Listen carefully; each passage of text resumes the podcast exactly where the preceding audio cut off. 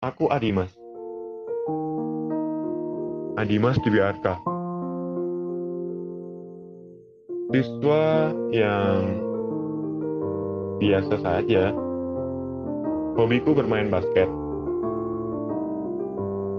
Hari Selasa adalah hari di mana tim basketku sedang berlatih rutinan. Dan inilah saat di mana pertama kali aku melihatnya. Gadis yang entah mengapa bisa mencuri perhatianku. Aku melihatnya sedang duduk termenung sendirian di bangku dekat lapangan basket ini. Dan saat aku memalingkan wajahku ke arah gerbang yang tak jauh dari lapangan, terlihat seseorang. Pria paruh baya yang memakai baju hitam seperti sedang mengawasi gadis itu. Belum sempat aku memikir jauh. Aku dikejutkan oleh bola basket yang saat ini sedang mengarah ke gadis tadi. Aku mengejar dan menangkap bola itu supaya tidak mengenai si gadis. Setelah berhasil menggenggam bola basket, aku melemparkan ke temanku, Kevin. Dengan nada sarkas, dia berkata, Hei, ke mana fokusmu? Aku meminta maaf karena kehilangan fokus saat sedang berlatih. Padahal, aku sendiri adalah kapten tim dan seminggu lagi turnamen menanti tim basketku. Aku masih penasaran dengan gadis itu. Saat aku melihat ke arahnya, aku tak menemukan keberadaan gadis itu. Ah, sial. Setelah berlatih, aku langsung bertanya tentang gadis itu pada Kevin. Beruntungnya, dia tahu. Oh, jadi dia yang membuatmu hilang fokus tadi. Namanya Vera. Ya, hati-hati sama ayahnya. Gosipnya sih, katanya. Ayahnya agak aneh. Tapi, ya nggak apa-apa sih. Semangat, bro. Aku terkekeh. Thanks, Vin. Jadi, namanya Vera. Dengan segera, aku mencari semua hal tentangnya lewat sosmed dan akhirnya aku mendapatkan Instagram dan nomor teleponnya. Ya, tak apalah menjadi colkan sebentar. Ternyata Vera termasuk anggota klub pembaca. Esoknya, aku berpikir dan langsung memutuskan untuk pergi ke perpustakaan dengan harapan aku bisa menemuinya. Prediksiku benar-benar tepat. Aku melihatnya di perpustakaan sambil duduk sendirian di depan jendela yang memperlihatkan pemandangan lapangan basket. Aku mencoba mendekat, inci demi inci. Rupanya dia sedang membaca buku cerita, buku cerita anak-anak dengan sampul ilustrasi foto keluarga.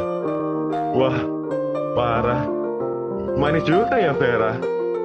Rasanya jantungku kacau. Kupalingkan sebentar pandanganku darinya.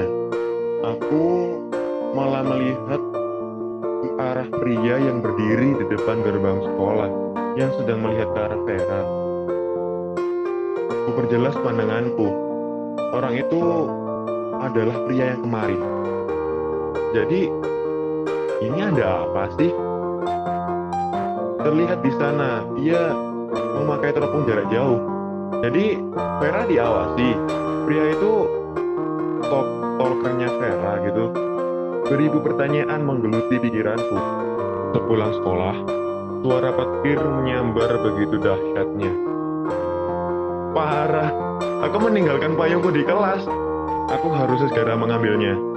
Lalu bergegas pulang ke rumah. Setelah mengambil payung, aku melangkah menuju koridor sekolah. Ternyata, di ujung koridor, aku melihat Vera.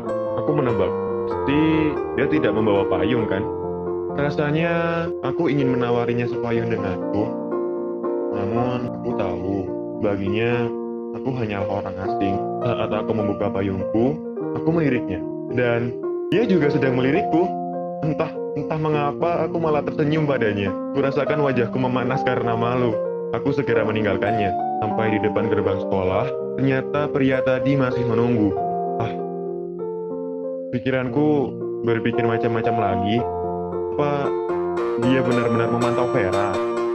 Dengan awas, aku melewati pria itu. Merasakan hawa dingin saat melewatinya. Sedikit menoleh ke belakang, dan dia sedang melirikku. Namun aneh, aku tak tenang. Aku harus segera pulang untuk memakai jaket dan mengambil payung. Lalu aku kembali ke sekolah untuk mengecek keadaan Vera. Aku khawatir dengannya. Bergegas, aku kembali ke sekolah. Pria tadi masih belum beranjak dari tempatnya. Aku melewatinya cepat. Pandangannya benar-benar menusukku. Dan Vera, dia menghilang dari koridor. Mana dia? Mundar, mandir, aku mencari keberadaan Vera. Dan seketika, aku mengingat tempat favoritnya. Ya, dia sedang duduk di bangku dekat lapangan basket. Dengan segera, aku memayunginya. Kurasa dia terkejut saat melihatku. Dia menatapku. Tatapan matanya terasa hangat. Tapi ada bekas air mata di sana. Bodohnya lagi, aku menanyakan, apakah dia menangis? Padahal sudah terlihat jelas bahwa ia memang baru saja menangis. Aku harus membuat dia tertawa. Tapi bagaimana? Oh, aku tahu. Aku mencoba berpura-pura meminta maaf padanya karena telah meninggalkannya sendirian. Ya, receh memang. Tapi aku berhasil. Aku bisa membuatmu tertawa, Fer. Aku tersenyum, lalu mengajaknya berteduh. Aku melepas jaketku. Kukenakan ke tubuh mungilnya itu. Aku juga memberinya payung agar dia bisa pulang tanpa hujan-hujanan. Hmm, aku sendiri menyadari batasanku masih sebagai orang asing. Dia mulai pergi menjauh dan pria tadi mengikuti Vera. Kuputuskan untuk mengikuti mereka dari belakang. Kuharap aku tak ketahuan. Beberapa menit kemudian, Vera menuju ke salah satu rumah. Kurasa itu memang rumahnya. Ya, akhirnya aku bisa merasa tenang. Aku bisa pulang ke rumah. Aku merasa ada yang mengikutiku. Kulihat ke belakang, nihil. Mungkin hanya perasaanku saja. Aku membuka handphone dan memberanikan diri untuk mengirim pesan ke nomor Vera. Aku ingin memastikan bahwa dia baik-baik saja di sana. Aduh, jantungku berdetak tidak karuan. Gila, rasa aku menyukai Vera. Sekarang pukul 10 malam. Dan aku sangat lapar.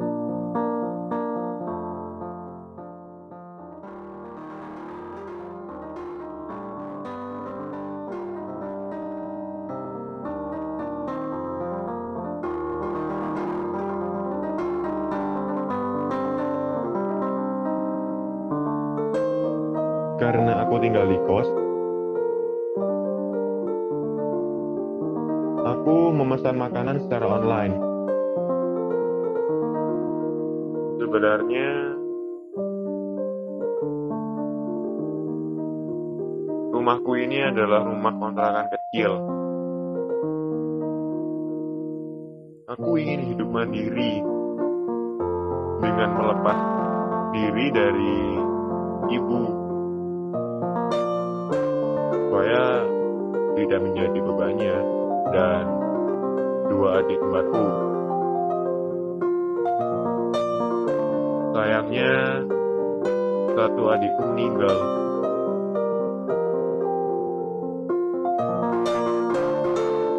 Dan hanya tersisa si adik bungsu, Yuni namanya.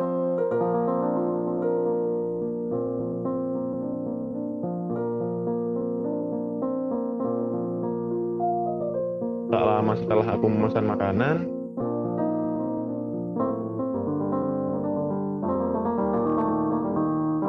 ada yang mengetuk pintu rumahku.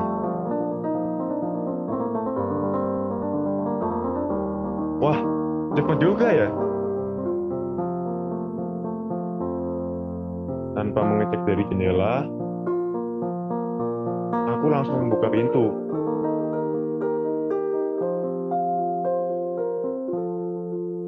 Dan secara cepat, kurasakan perutku ditusuk. Saat kulihat, seorang pria berwajahkan kain hitam sedang memegang pisau yang masih tertancap di perutku. Dengan tangannya yang telah berlumuran darahku.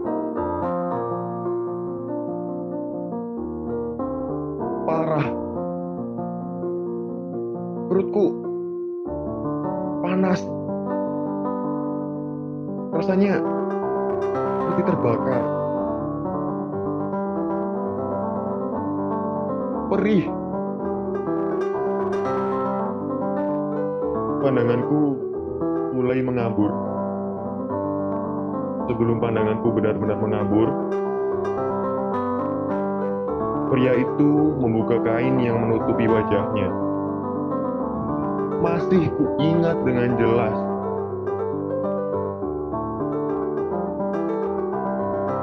Itu adalah pria yang mengikuti Vera tadi sore.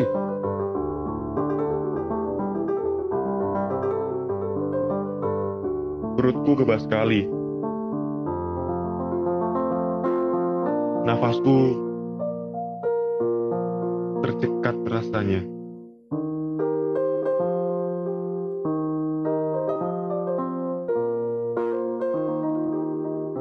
Aku jatuh.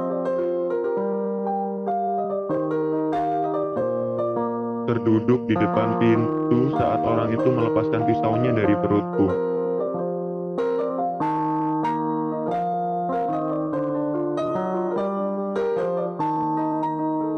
Ia memandangku sebentar,